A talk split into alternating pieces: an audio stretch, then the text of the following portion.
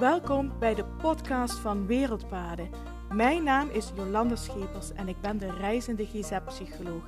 Reizen en psychologie is de ideale combinatie voor persoonlijke en spirituele groei.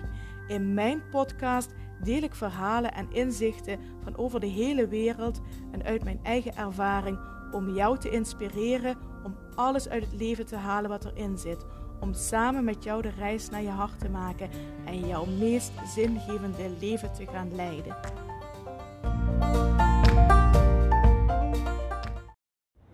Hallo, hallo en super fijn dat je weer luistert naar de podcast van Wereldpaden. Het is vandaag zaterdag 21 mei 2021 en we zijn ondertussen aangekomen bij de Epupa Falls. Misschien hoor je ze op de achtergrond.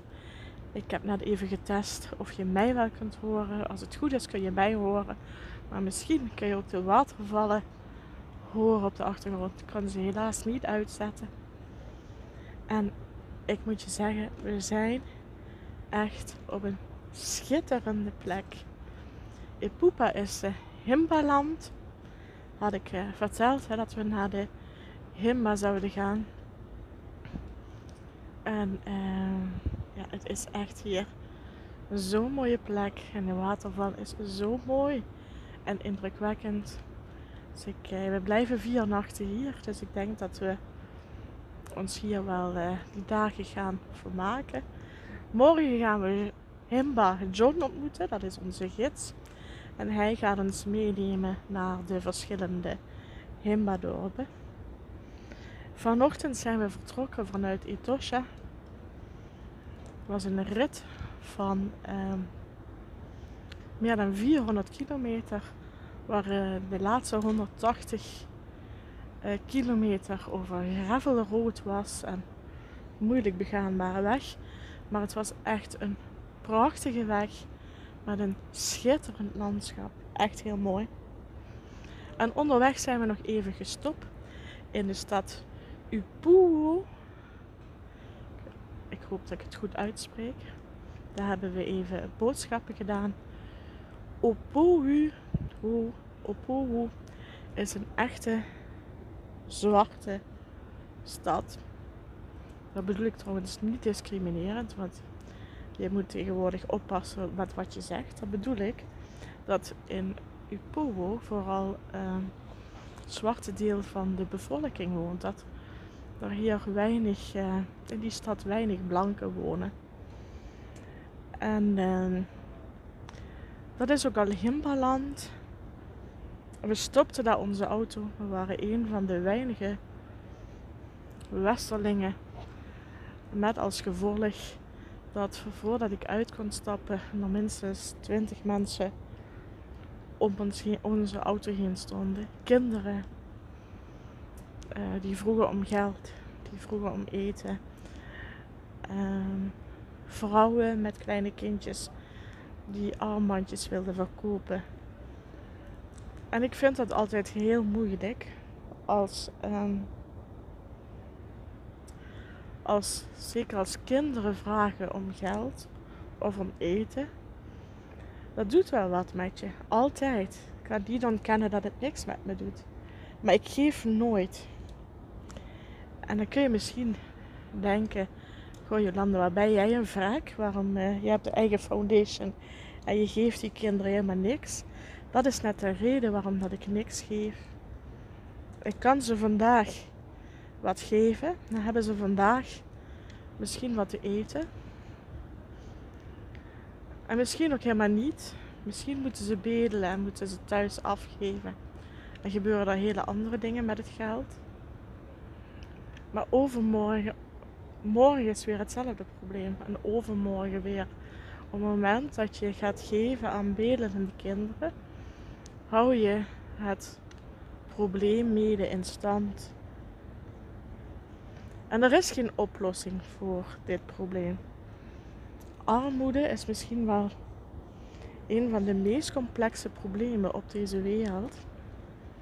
En daar is niet zomaar een oplossing voor te bedenken. We lossen het niet op door geld te geven. We lossen. We kunnen stapjes zetten Maar het is ontzettend complex.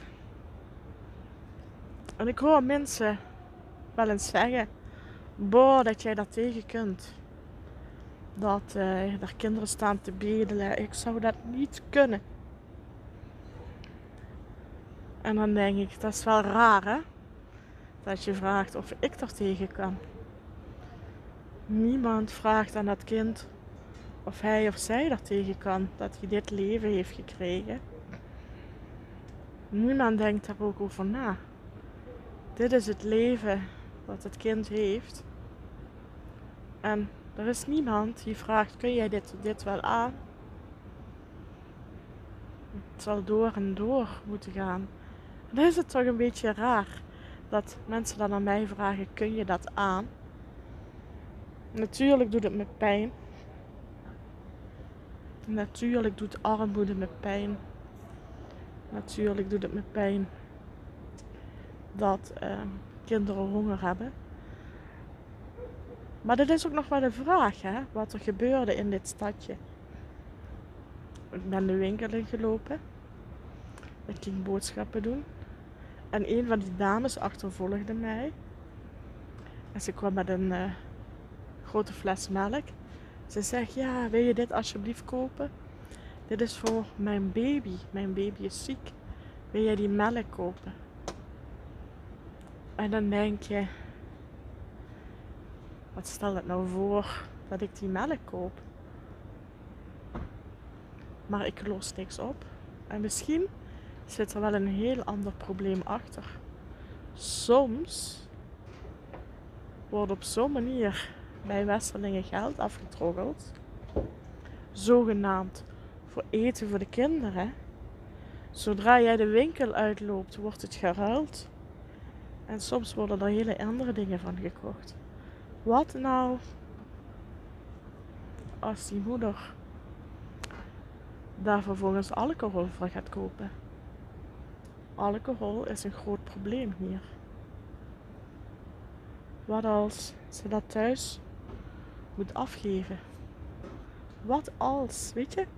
Het is zo makkelijk gedacht van, oh ja, dan geef je die fles melk toch, wat is je probleem? Financieel is dat geen enkel probleem, maar je weet nooit wat er speelt. Misschien maak je iets nog veel, veel complexer en veel erger dan dat het al is. Natuurlijk is het moeilijk om dit te zeggen. Zeker als daar zo'n kleintje aan de rug bungelt die met grote ogen aankijkt. Wie vindt dat moeilijk? Maar we weten ook dat kinderen vaak erop uit worden gestuurd om te bedelen. En dat ze het moeten afgeven. Ik weet niet hoe het hier is, maar in India is het vaak nog extremer. In India zitten vaak criminele bendes achter bedelende kinderen. Die kinderen moeten bedelen voor die bendes. Ze moeten het geld vervolgens afgeven aan die bendes. En heel soms worden die kinderen door die criminelen verminkt. Want een verminkt kind roept meer medelijden op bij toeristen en krijgt meer geld. Dus bedenk altijd goed, als je in een land bent waar armoede is, als je in een ontwikkelingsland bent en er zijn kinderen die bedelen dat niets lijkt wat het lijkt en dat je eigenlijk het probleem mede in stand houdt. Je lost niks op. Het probleem blijft en wordt alleen maar groter. Armoede is zo verschrikkelijk complex en het zit zo moeilijk in elkaar. Dat kunnen wij in één oogopslag begrijpen. En het laatste wat je wil is het moeilijker maken nog voor de kinderen. Ik heb ook vaak van mensen gehoord die zeggen: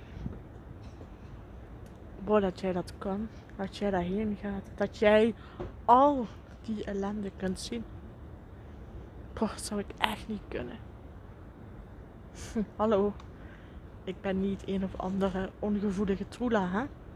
Dat jij dat aan kunt. Weet je, niemand vraagt of die kinderen dat aan kunnen. En dat jij dat aan kunt. Wat een onzin.